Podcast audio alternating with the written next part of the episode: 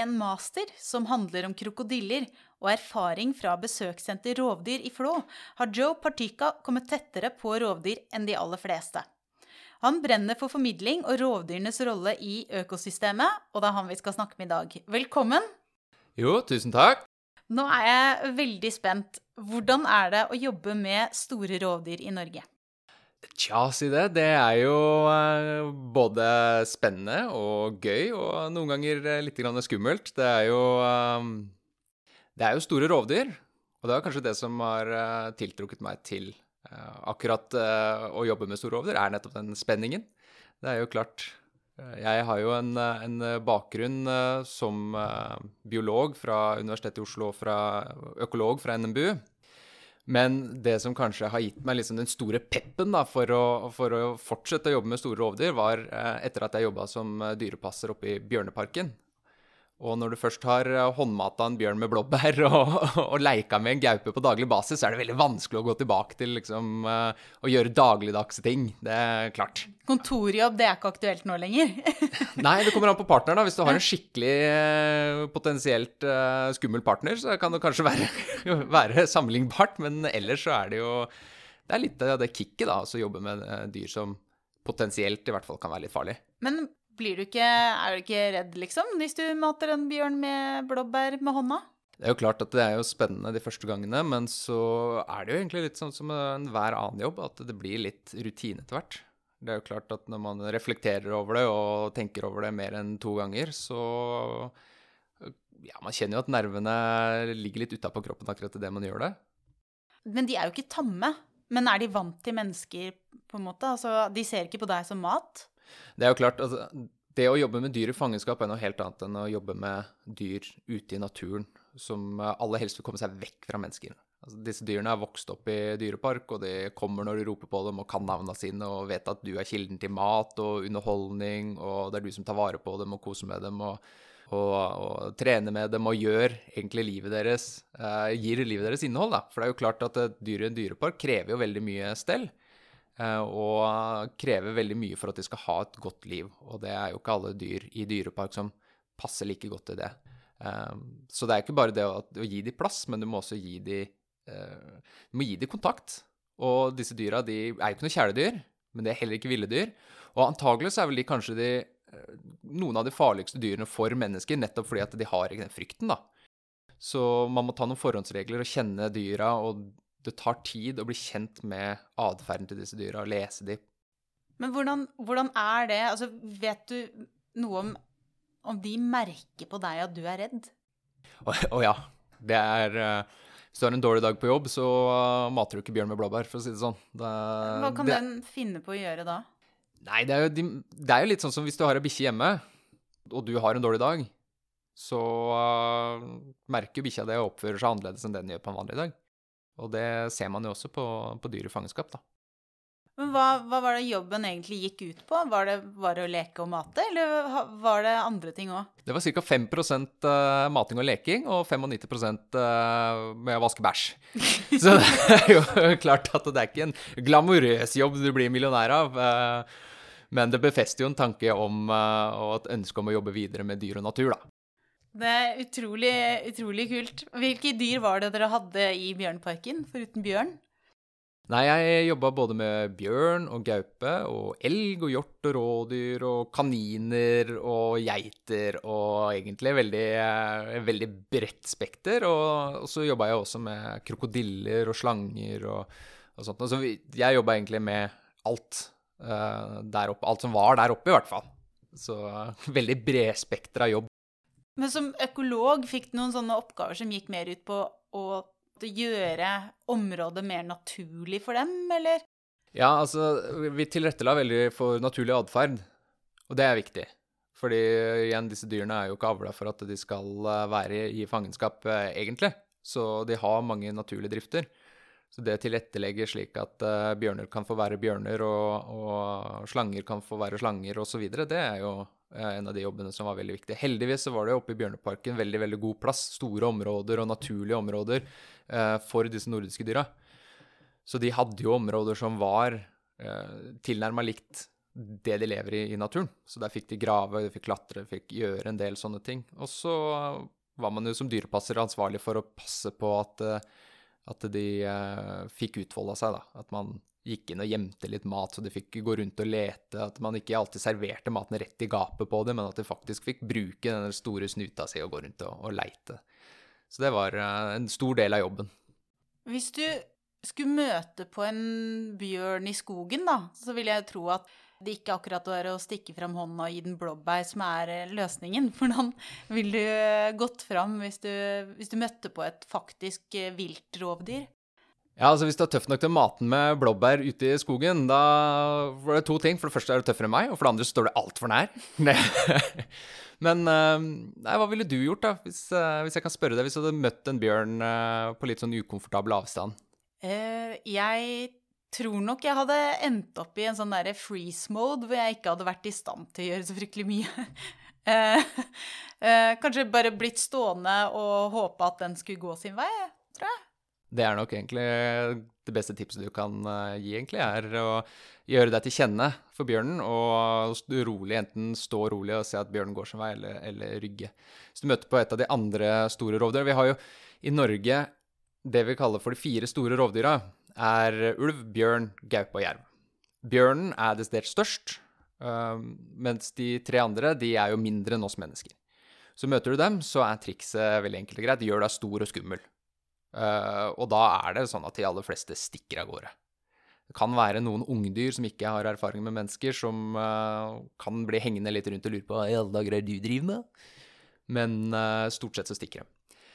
Med en bjørn, derimot Hvis du møter på en bjørn som veier uh, 150 kilo eller mer, så er du kanskje ikke større enn den. Å prøve å utfordre den på størrelse da, det Nei, altså, jeg har jo eh, ganske mange kilo å, å gå på for, for, før jeg kan utfordre den på noe som helst vis, tror jeg. Så ja, det er kanskje ikke så god idé egentlig å utfordre den. Så uh, grunnregelen er egentlig hvilket som helst uh, Hvis dyret er større enn deg, uh, gjør det til kjenne og trekk deg bort. Og det gjelder også om du møter en elg. Er dyret mindre enn deg, så kan du stort sett skremme det vekk. Er det mange rovdyr i Norge? Altså, Er det mye jerv, ulv og bjørn? Det kommer an på hvem du spør, da. Ja. Det er jo som Øystein Flagstad sa i en podkast for ikke så lenge siden, det er jo like mange meninger som det er postnummer i Norge. Så det er Øystein Flagstad for øvrig er genetiker oppe ved Rovdata i, i Trondheim. Det er jo ikke så veldig mange av de. Uh, I Norge så har vi rundt regna rett i underkant av 150 bjørn og ca. 100 ulver.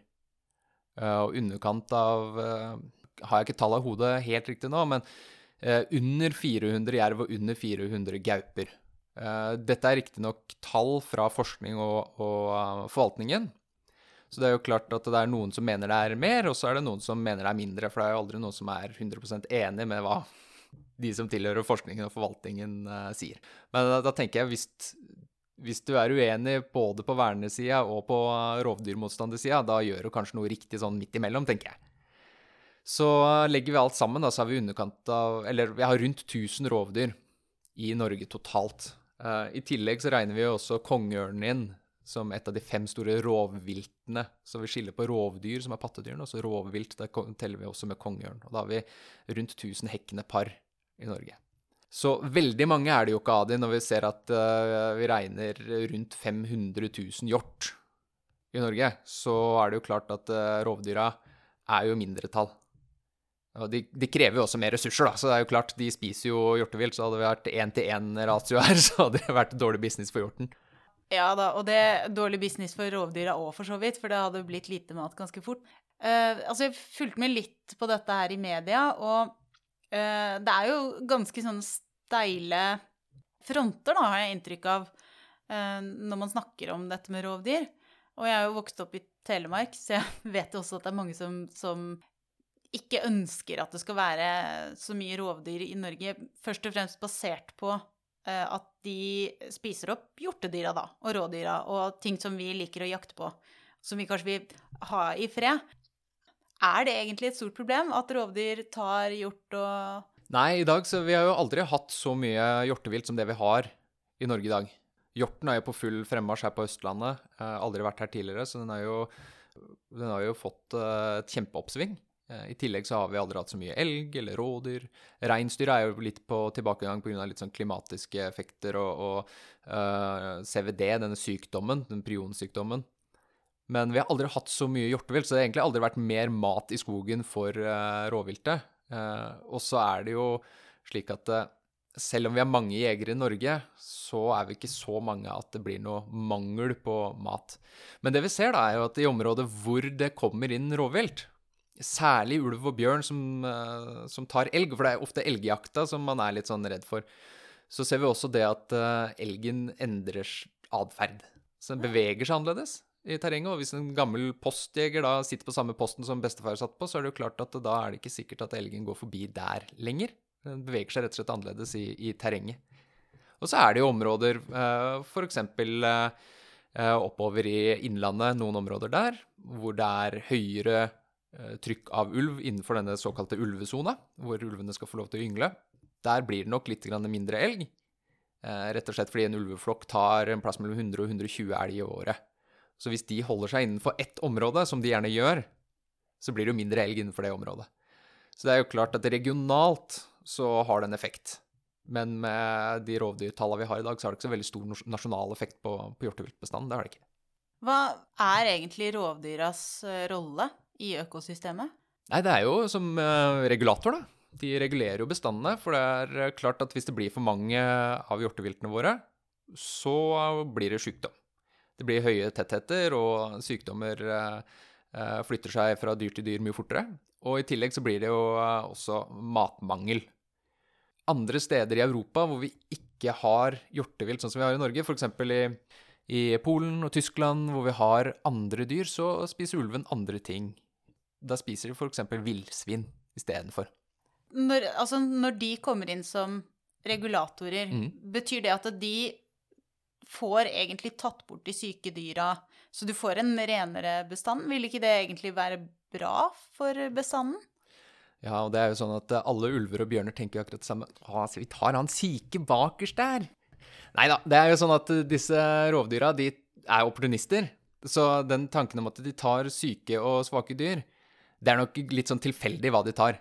Altså hvis de får sjansen på storoksen, og den uh, ikke følger med et øyeblikk, ja, da knerter de dem og spiser den, altså. Det er ikke De er litt sånn hvis du kommer på McDonald's klokka to om natta, og de bare har McFeast igjen, og du egentlig har lyst på en Big Mac, så tar de allikevel McFeasten. uh, så de tar det som er tilgjengelig. Heldigvis er det jo Eller heldigvis og heldigvis. Oftest så er det jo sånn at det er de syke og svake som gjerne står igjen, da, som er litt treige. Hadde, den, uh, hadde vi vært en hjorteflokk, så hadde jeg med det der uh, dårlige kneet mitt havna bakerst og hadde blitt spist først. Ja, hva tenker, hva tenker, du om det? Du som da har stått eh, ansikt i ansikt med bjørn og sto, andre store rovdyr. Nei, Jeg har jo vært smart nok til å holde et gitter imellom, stort sett. da. Uh, I hvert fall med de rovdyra som er store nok til å gjøre skade. Stort sett, i hvert fall. Men er de egentlig Altså, hvor farlige er de for mennesker? Nei, altså, det som er med rovdyra, i hvert fall ulv og bjørn, da, som kan potensielt har Altså, det som har I hvert fall med ulv og bjørn, så sier vi det at de har et høyt skadepotensial. Altså de, de er potensielt farlige. Men i Norge og Skandinavia generelt så er de ikke farlige. Det har kommet ut en artikkel nå på, som ligger ute på forskning.no for et par uker siden eh, bare. Og der eh, så skriver de rett og slett det at uh, faren er der, men den er så liten at det nesten ikke går an å regne på den. Fordi i Norge og, eller i Skandinavia så har vi skutt ut så mye av rovviltbestanden vår at uh, de såkalte modige dyra de er ikke å, å, regne med, og det er heller ingen desperasjon å, å finne blant rovviltet i Norge. Fordi det er så, så, mye mat ute i skogen. Sist gang noen ble drept av uh, bjørn i Norge, var 1906 i Vassfaret. Så det var en gjetergutt som uh, var uheldig og omtrent landa på en bjørn idet bjørnen angrep uh, saueflokken hans. Han skled ned en skrent og omtrent landa på bjørnen um, og ble revet i filler. Og ble da ble hausa ned fra, fra, fjellet på hesterygg og måtte ned til Drammen. Og de som har prøvd å kjøre flå til Drammen, altså Vassfaret til Drammen, det tar liksom ja, halvannen time eller noe sånt. Hvis du skal gjøre den unna på, på hesterygg og båt, tok det fire dager. Mest sannsynlig så ville han kanskje overlevd i dag hvis han hadde blitt henta ut med helikopter og fått antibiotika osv. Så, videre. så uh, klart at de har et skadepotensial. Om når vi tenker på ulv, så har det ikke vært drept menneske av uh, ulv i Norge siden 28.12.1800. Men hva, hva, er da grunnen til at det er så mange som er veldig, veldig redd for ulv? Og jeg kjenner det jo på en måte litt igjen fra min egen barndom. Jeg var redd for vampyrer og ulver og zombier. Og det er jo egentlig Som voksen må jeg si at jeg, jeg syns det er absurd å tenke på, fordi eh, to av disse tre finnes ikke. Men, og det sier noe om hvor absurd den frykten er. Hvorfor er vi så redde for ulv? Nei, det er jo mange ting som gjør at man er redde for ting. Men en veldig stor ting er jo, er jo mangel på informasjon. Uh, mangel på kunnskap om det man driver med. Og så er det jo, uh, er det jo disse gamle eventyrhistoriene. Vi ser jo det at det ulven, særlig ulven, figurerer som en kjeltring. En skummel uh, fyr i mange gamle eventyr. I norrøn mytologi så var det jo en ulv, Fenrisulven, som skulle sluke både jorda, månen og alt sammen og gjøre ende på hele universet.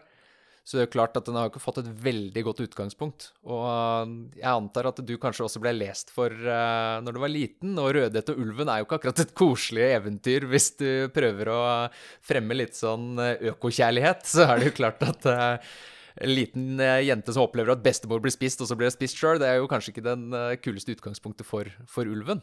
Og så tror jeg det er en sånn iboende frykt hos oss mennesker. vi har jo klart å karre oss høyest opp på denne næringskjeden, men egentlig så hører vi jo ikke hjemme der. Så denne frykten for å bli bytte, det er jo klart at den, eh, den lever jo i oss. Så man skal ha respekt for disse store rovdyrene, det skal man jo. Men uh, jeg tror ikke du trenger å være så veldig redd for den, i hvert fall ikke nå lenger. Nei, jeg, jeg, nå har jeg jo på en måte fått et litt mer sånn uh, Hva skal jeg si nøkternt forhold til det. det. Og jeg tror du har rett i det at det er nok litt fordi jeg eh, vet mer.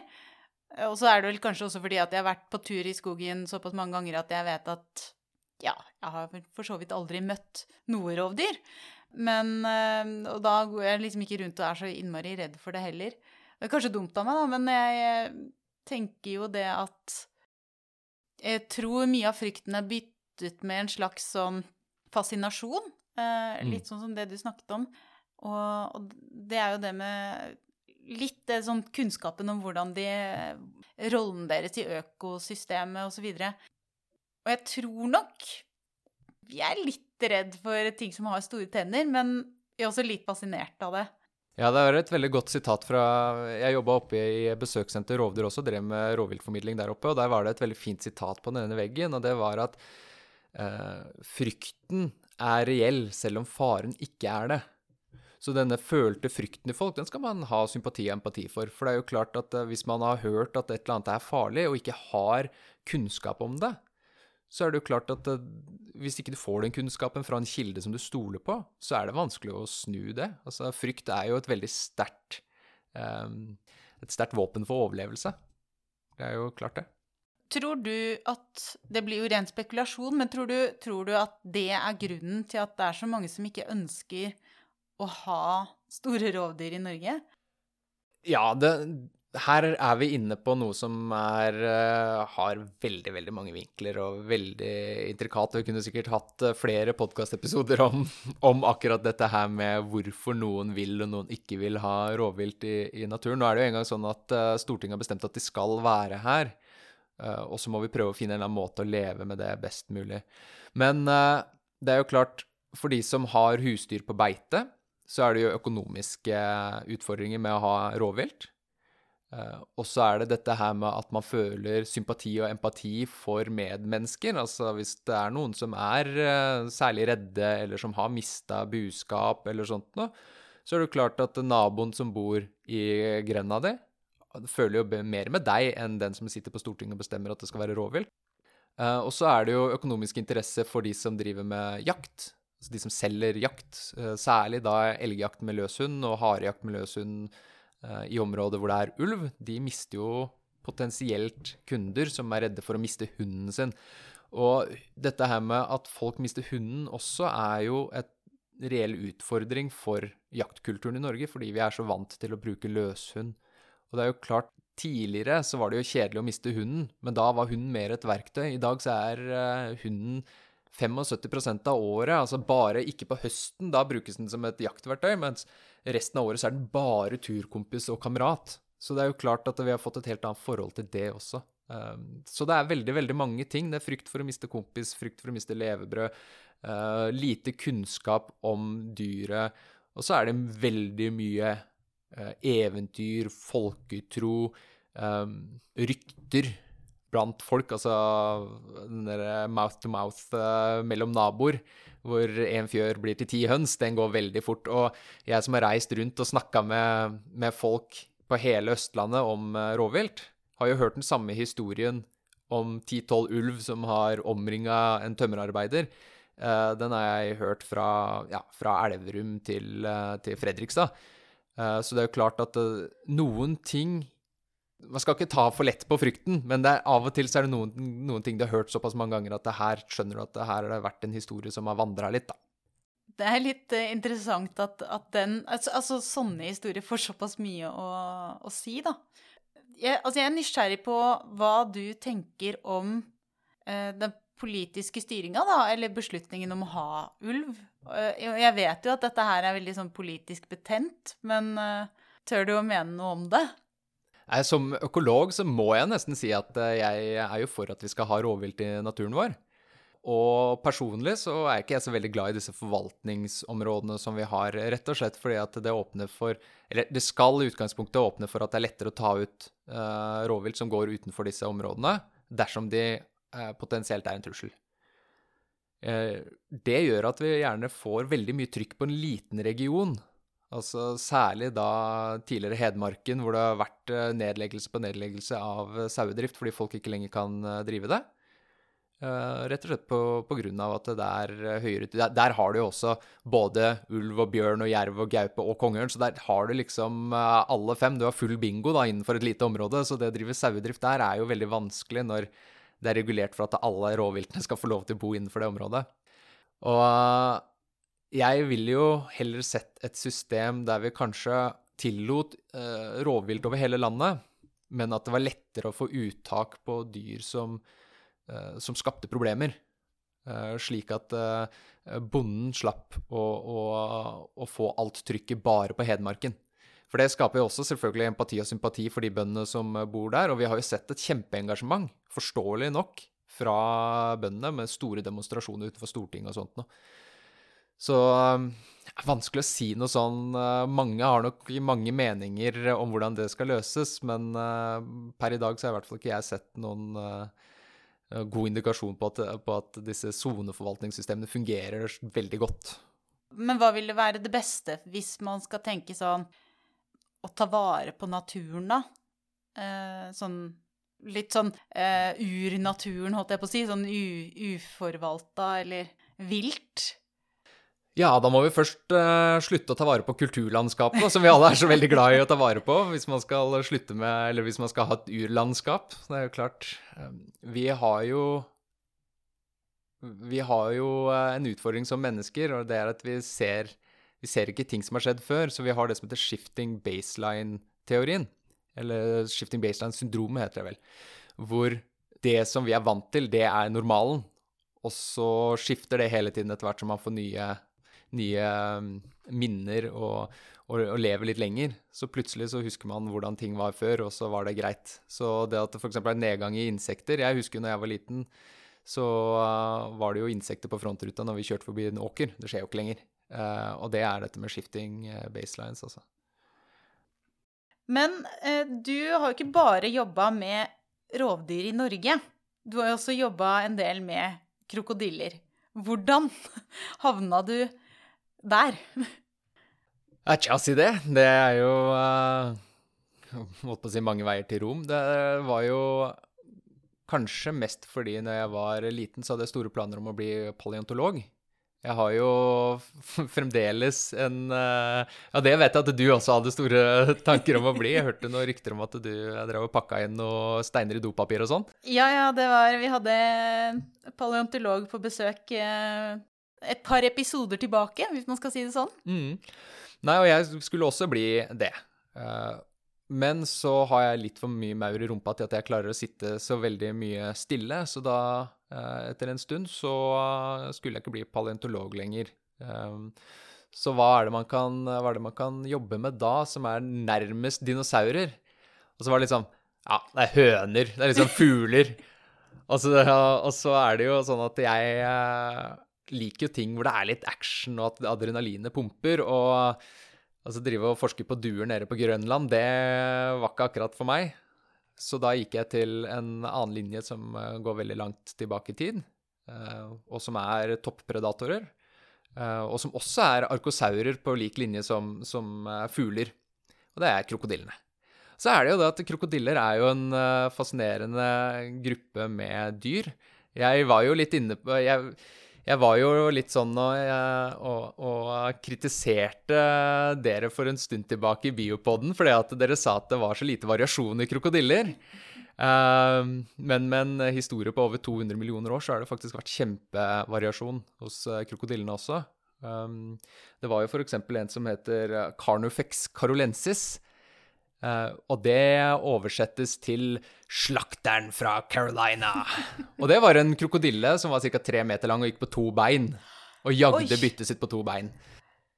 Det, det, er på, det, er sånn som den kjempestore krokodillen i Roald Dahl, det. Uh, den barnefortellingen uh... Ja, og den leser jo jeg for sønnen min nesten hver kveld nå, og da får krokodillen han bli helten i historien istedenfor. Å ja, du har endret litt på ja, ja, ja. Nei, de barna som han har tenkt å spise, de, de er bare mat, de. Totalt økologisk perspektiv, det var ikke noe men, men, denne kjempestore dinosauren Nei, dinosauren, sier jeg, krokodillen, er det, den er blitt uh, utrydda nå, eller har den hva, har, hva, skjedde med den, egentlig? Ja, altså, for noen uh, millioner år siden så var det jo litt større uh, Hva skal jeg si litt, maten som var på menyen, var litt større. Så for noen millioner år siden så hadde vi jo arter som sarkosukkus og, og slik, som kunne bli 11-12 meter og veie 10 tonn, altså på størrelse med en buss. Eh, hva slags dyr er dette? Dette er en kjempe, kjempediger eh, krokodille, og for de som de som har en datamaskin eller Google i nærheten, så kan de søke opp en tomistoma. Det er en levende krokodille som ligner på denne sarkosuchus. Ehm, men de kunne bli enorme. Uh, det var også en som het Deinosuchus, som uh, var en si, forfaren til alligatorene. En litt bredere variant, som også kunne bli 10-12 meter og, og, veie like mye som en buss. da. Så det er klart, når maten på menyen er større, så må det være litt større for å håndtere det òg. Så de uh, har jo blant annet spist dinosaurer, da. De har funnet dinosaurbein med tannmerker etter disse krokodilleformene, da, for det er ikke regnet som det man kaller for ekte krokodiller i dag. Med tidlige krokodiller. Nettopp. Hva er forskjellen på det, egentlig? Nei, det er jo litt sånn som de tidlige pattedyrene også, som uh, før de ble helt pattedyr. Uh, sånn som disse monotremene i Australia og sånt noe, som Eller pungdyr også, som har noen trekk som er pattedyr, men så har de noen trekk som skiller seg, som ikke er helt pattedyr. Og sånn er det også med krokodillformene, da. Som er krokodilleformede dyr, og som har mange trekk som ligner på dagens krokodiller. Men så er det noen få ting som skiller de, da. Sånn som denne her som kunne gå på to bein, f.eks. Nettopp. Så den, den paleontologdrømmen eh, fikk deg til å eh, forske eller eh, ville studere krokodiller. Men hva var det du endte opp med å faktisk se på i masteren din? Jeg har jobbet med to krokodiller i et bitte, bitte, bitte lite land som heter Belize. Der er det en krokodille, ferskvannskrokodille som heter morrelets-krokodille. Og så har du en krokodille som heter amerikansk krokodille. Og amerikansk krokodille den tåler litt mer saltvann. Så de lever liksom i to forskjellige habitater, og det gjør jo egentlig Belize til et sånt perfekt eh, samfunn å, å, se på disse krokodillene, se på forskjeller. Eh, og det jeg så på, var hvordan menneskers aktivitet og parasittbelastning, altså spesielt hud- og blodparasitter, påvirker immunresponsen og den generelle helsen til de krokodillene. Så det var en sånn immunoundersøkelse av, av disse dyra, da. Hvordan foregår det egentlig? For jeg tenker at immunrespons, da må man vel nesten ha en blodprøve, eller? Ja, stemmer det. Så vi var ute og fanga krokodiller og tok eh, blodprøver fra det. Eh, og så tok man da blodprøvene tilbake til laben. Og det var jo veldig interessant å skulle fange krokodiller. Det har vært mange Jeg vet ikke hvordan man, de fleste ser for seg hvordan man fanger krokodiller, men hvis man har sett fra Australia og sånn, så uh, bruker man jo båt og feller og sånt nå. Uh, og det er rett og slett for saltvannskrokodillene i Australia. De er uh, ekstremt store og kjent for å være veldig aggressive. Mens de artene som jeg har jobbet med, de har vært litt egentlig sånn som rovdyrene i Norge. De har vært jakta veldig mye på. Så de er veldig sky for mennesker og vil egentlig ikke ha noe med oss å gjøre. Så det har vært en, eh, en uh, jakt på de med, med båt. Og så når vi finner de Vi bruker da lommelykter for å lyse ut, fordi at de har et reflekterende belegg eh, bak øyet som gjør at de kan samle inn eh, mer lys. Litt sånn som en katt eller en rev eller grevling. Så du ser etter eh, rett og slett et skinnende rødt øye i mørket. Og når du finner det, så kjører du bort med båten. Er de nattdyr? Ja, de er stort sett det som heter krepuskulære. Altså det er uh, sen kveld og tidlig morgen. Så det er litt grann lys, for da kommer gjerne dyra ned for å drikke. For disse er jo, som alle andre krokodiller, så er det jo bakholds... De driver med bakholdsangrep, så det er snikjegere. Så disse to artene er primært fisk, men når det blir større, så tar de også pattedyr og fugl og sånt når de kommer ned til vannkanten, da. Så da er det seint om kvelden eller tidlig tidlig om morgenen, så drar du og en gjeng andre Ja, da var vi ute fra gjerne sånn ti på kvelden til eh, sju på morgenen. Og så hadde vi en lang uh, stokk med et snøre i enden. Og så var det om å gjøre å, uh, få dette snøret rundt da overkjeven på krokodillen. Og, så, og av og til så var det jo litt sånn De hadde ikke lyst til å bli fanga, så da var det jo inn i Da stakk de jo av inn der det var vanskelig å få tak i dem. altså inn blant greiner og under ja, brygger og sånt noe. Og da måtte man ut på svømmetur da, og så prøve å få tak i dem. Så det var jo klart. Svømmetur i et vann med krokodiller? Ja, men ikke sant? Hvis krokodillen svømmer bort fra deg, så skjønner du jo at da, hvis du svømmer etter den, så den vil jo bare vekk. Så utfordringen var egentlig oftest å, å finne det igjen hvis det først hadde stikket av. Så hadde jo veldig få ubehagelige opplevelser egentlig med de også, selv om krokodiller er Eh, store og også har et veldig stort skadepotensial, da. Jeg, jeg, jeg, eh, tror ikke jeg ville lagt på svøm etter en krokodille, nei. Det sitter langt inne. nei, men, vi, men, det var litt interessant, for vi var også ved en uh, populasjon der uh, som var veldig isolert. Hvor veldig, veldig få mennesker egentlig var innom. Det var kun noen få sånne rangere som passet på området, som var innom der av og til for å se etter tjuvfisk og sånn. Uh, og der var det en liten dam som var kanskje 50 meter bred og 600 meter lang, eller noe sånt. Bitte liten. Og der fikk vi beskjed om at det var en del store krokodiller. Og når vi satte kanoen vår utpå der for å padle ut for å se etter de krokodillene etter, Det var ca. fire km gjennom jungelen. Først måtte vi hakke oss gjennom jungelen, så måtte vi gå tilbake, hente kanoen, og så måtte vi dra den gjennom jungelen. Så det var litt av en jobb. Men når vi endelig fikk den kanoen utpå, så kom alle krokodillene svømmende opp til båten for de var nysgjerrig. Dette er noe de aldri har opplevd før. Uh, og der ble vi uh, Var det en stor hann som vi estimerer til en plass mellom 4 og 4,5 meter, som uh, ikke likte at vi var utpå. Så han kom bort og, og viste dominanstegn, da. Så han gjorde det som heter headslap. Så han kom opp til båten, og så slo han, slo han hodet i kanoen vår. Så det, det, var en av de episodene hvor vi padla fortere enn det vi vanligvis gjorde, da. Så det er klart man skal ha litt respekt for disse dyra, så vite hva man driver med, da. Ja, det er godt, godt, å høre at du har eh, At du har litt av det. At du har et snev av frykt der inne et eller annet sted. Jeg må jo si det, hvis ikke så mister jeg vel forsikringa mi. Men hva fant du ut, da, når, eh, når du hadde gjort disse studiene? Altså når du hadde mm. sett disse blodprøvene? Det som er veldig interessant, er jo at eh, blodet fra krokodillene Vi hadde jo en forventning om at de ville skille seg fra, uh, fra andre reptiler. Fordi krokodiller uh, er nærmere beslektet med fugler. Og det var egentlig ganske likt. At de, immunresponsen var egentlig lik uh, det som de er, du finner hos fugler også, som har blodparasitter. Men det vi også så, var at krokodillene de hadde ikke noe særlig immunrespons til høy belastning av blodparasitter. Og det hadde heller ikke noe særlig nedsatt kroppskondisjon, som er en sånn eh, proxy, en sånn eh, for, for, helsen da, generelt. Um, så de hadde god helse til tross for høy parasittbelastning. Og det var egentlig litt til å forvente, for vi regner krokodillenes immunforsvar som det nest sterkeste eh, etter komodovaran. Så de, en, de, kan, de, kan, jo miste lemmer i sumpene i Louisiana og leve helt fint eh, videre. Og de har et serum i blodet som når man har isolert dette i laben, så tar det faktisk også livet av hiv-viruset. Så det har enormt potensial som en medisinsk ressurs i fremtiden. Uh, og antibakterielt og ja, i det hele tatt, det er, de har en, eh, et immunforsvar som er helt vanvittig. Men det vi så, det var eh, rett og slett at i områder hvor de var i nærheten av mennesker, hvor det var høyt menneskelig stress, nærheten av byer f.eks., der gikk kroppskondisjonen ned. Og immunresponsen også, eller? Ja, der hadde de også en høyere immunrespons. Mm.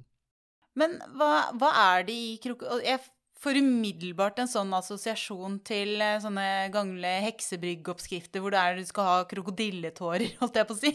Um, hva er det i blodet til krokodillen som er så fantastisk? Jeg kaller det egentlig bare serum. Jeg er jo ikke noen uh, molekylærbiolog sjøl. Men det er altså et eller annet som, som er i blodet til krokodiller som gjør at de har veldig antiseptiske uh, egenskaper. Så det er uh, ganske fantastisk. Det er Oi, hva er det han heter? Mark Merchant. Han uh, holder til et universitet i Louisiana. Og han er en av de fremste på akkurat de medisinske egenskapene da, til dette serumet hos krokodiller. Og, og, han forsker mest på alligatorer, da, men dette er felles for alle krokodiller, uansett om du tar en kinesisk alligator eller en kaiman fra, fra Sør-Amerika eller en nilkrokodille eller ja, hva det skulle være av art. Så har de felles, alle sammen, dette serumet. Det høres ut som en sånn derre super, eh, superkraft å, være så Og et så sterkt immunforsvar, eh, mener jeg. Ja, det er jo, de jobber jo veldig hardt nå på å finne, finne ut hvordan de kan syntetisere dette her, da. Mm og hvordan det kan brukes videre. Mm. Ja. Er det, det, er, det, er, ikke giftig for oss, eller? Det virker jo ikke sånn, da. Altså, utfordringen er jo at i og med at det er såpass antibakterielt og antiseptisk, så vet vi jo ikke helt Hvis vi tar en kapsel, hva skjer da, liksom? Det, ja, kanskje det, har... det, er litt for mye av det gode, liksom? ja, ikke sant. Plutselig får du skjellete hud og Ja, det kan jo komme med en bieffekt. Apropos denne frykten for zombier, liksom. uh, sånn halvt menneske, halvt krokodille er det jeg da egentlig burde være redd for. Men uh, du, har jo med deg, jo med deg noen sånne noen gadgets, uh, eller noen, rett og slett noen ting her i dag. Blant annet et krokodilleegg. Ja, nei, jeg har jo litt sånne rariteter i hylla mi hjemme, så samboeren min hun rister jo bare på hodet når hun går inn på kontoret, for det er så mye å tørke støv av. Men jeg har tatt med et uh, krokodilleegg fra nilkrokodille. Og dette her er jo ja, vil si, dobbelt så stort som et hønseegg. Tre ganger så stort, noe sånt. Uh, og inni der så uh, finnes det, ikke nå lenger, da, men det finnes vanligvis en krokodillebaby som kommer ut av dette egget. Og akkurat nilkrokodillen, der fødes ungene en, ja, mellom 12 og 15 cm lange. Og hvis de får leve 50 år pluss, og det er en hann, da, for hannene blir størst, så kan de nærme seg 5,5 til 6 meter. Eh, så dette er dyr som kan bli veldig, veldig store.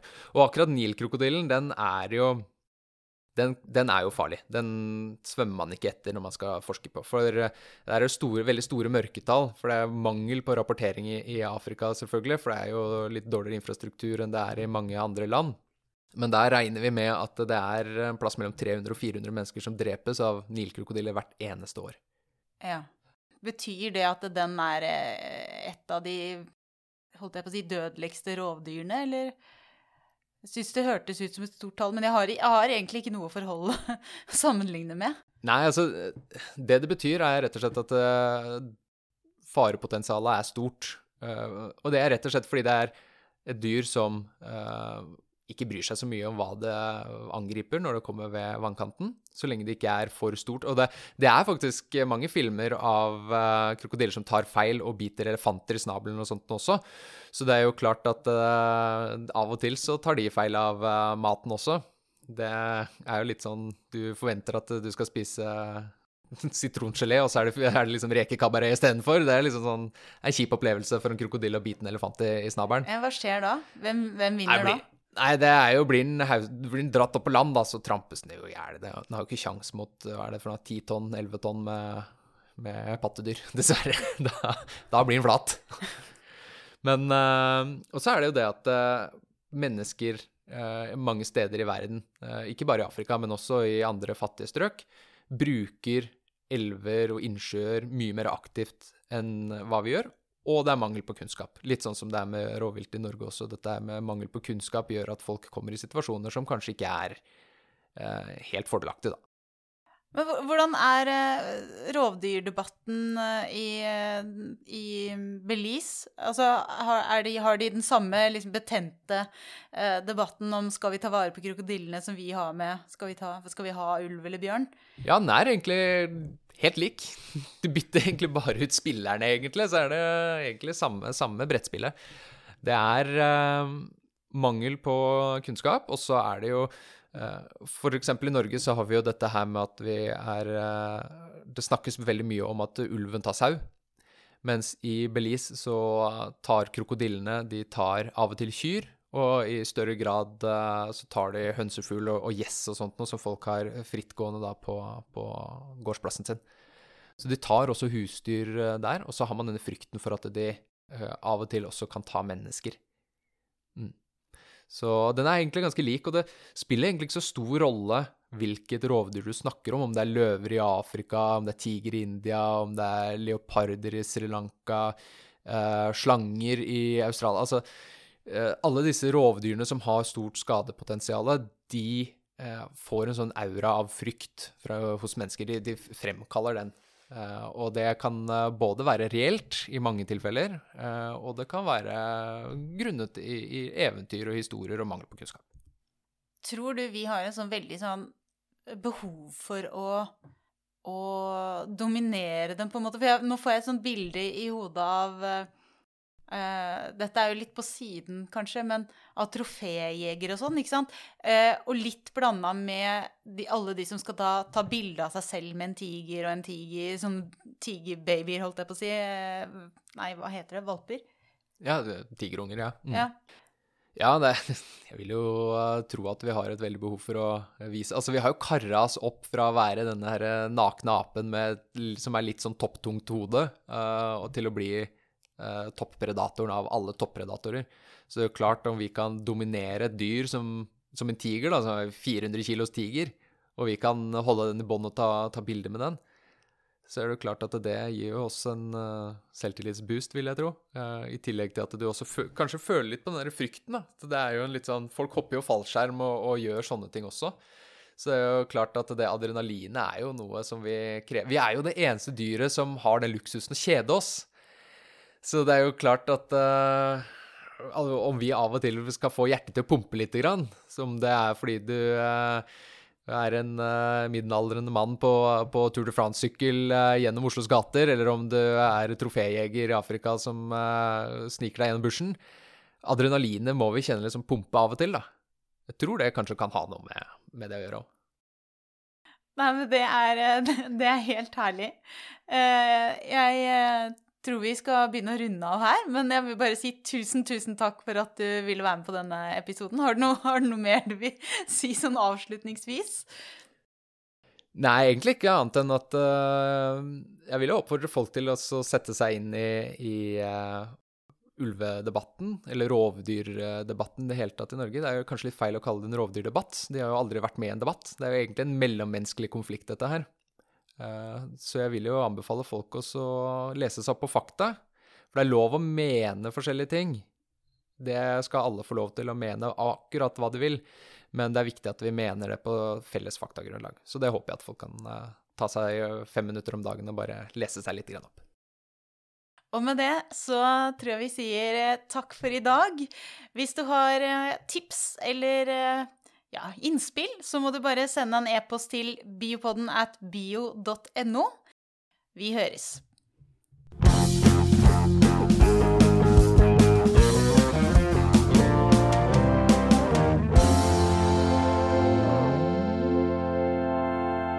Du har nå hørt Biopodden med Vilde Olsson Lahlun og Elina Melteig. Og med på laget har vi også Torborg Galtland, daglig leder i Norsk biologforening. Musikken du hørte, er laget av biologibandet Overgump, som består av Even Sletteng Garvang, Markus Fjelle, Erik Møller, Mathias Kirkeby og Audun Rugstad. Fortell gjerne om podkasten til venner og kjente, og gi oss tips og tilbakemeldinger på e-posten biopodden alfakrøllbio.no. Og så er du hjertelig velkommen til å støtte oss ved å bli medlem av Norsk biologforening. Vi høres.